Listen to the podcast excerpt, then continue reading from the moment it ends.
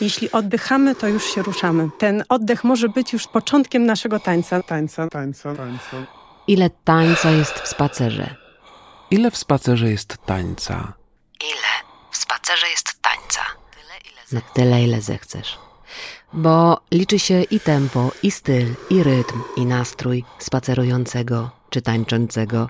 Spacer i taniec. Ile tańca jest w? Mają cechy wspólne, bo na przykład y, wymagają poruszania nogami, wymagają utrzymywania równowagi. Niby proste, ale jak się tak dobrze przyjrzeć, to wiele osób ma kłopoty z równowagą ciała i ducha. A to jest ważne, to się łączy strefa mentalna i strefa cielesna. Niedawno rozmawiałam z Julitą Wołkowycką, która prowadzi psychoterapię tańcem i ruchem. Jak blisko nas jest taniec? Czy my codziennie robimy takie ruchy, które można by było nazwać tańcem, czy tylko wtedy, kiedy gra muzyka, a my już poćwiczyliśmy ten temat? Według mnie wszystko zależy od tego, jak definiujemy taniec. Uważam, że jeśli oddychamy, to już się ruszamy ponieważ powietrze, wdech i wydech powoduje już ruch w naszym ciele. Więc e, ruch jest tak naturalny jak oddech. Kiedy oddychamy, to już się ruszamy. Ten oddech może być już początkiem naszego tańca, naszego takiego kontaktu z nami, ponieważ oddech nas łączy z uczuciami, z naszym wnętrzem. Więc można nawet się zatrzymać, wziąć głębszy, świadomy oddech, poczuć jak klatka faluje. I to już jest dla mnie mój taki wewnętrzny taniec samej ze sobą. Myślałam sobie niedawno, spacerując, jak blisko czy też jak daleko jest spacerowanie od tańca. Dla mnie jest bardzo blisko. Jest bardzo blisko.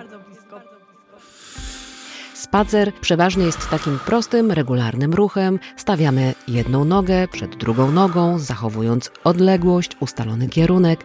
Taniec jest ruchem złożonym, bardzo zróżnicowanym.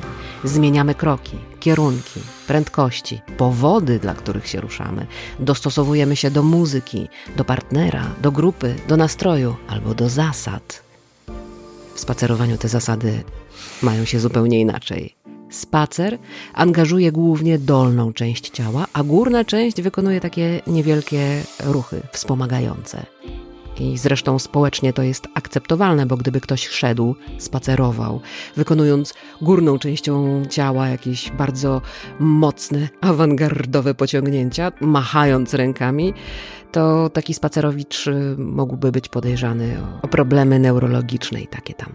W tańcu, rzecz jasna, jest inaczej. Taniec angażuje całe ciało i angażuje jeszcze przestrzeń, czasami także całą.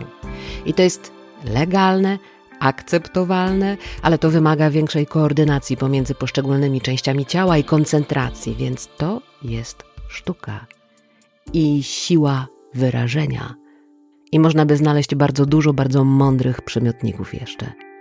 Spacer, taniec mają inny wpływ na nasze emocje i na nasze samopoczucie. Inny, ale silny. Spacer może być i relaksujący, i medytacyjny, ale bywa nudny, bywa monotonny. Taniec może być ekscytujący, kreatywny, ale i stresujący i wymagający. Wszystko ma stronę jasną, stronę ciemną.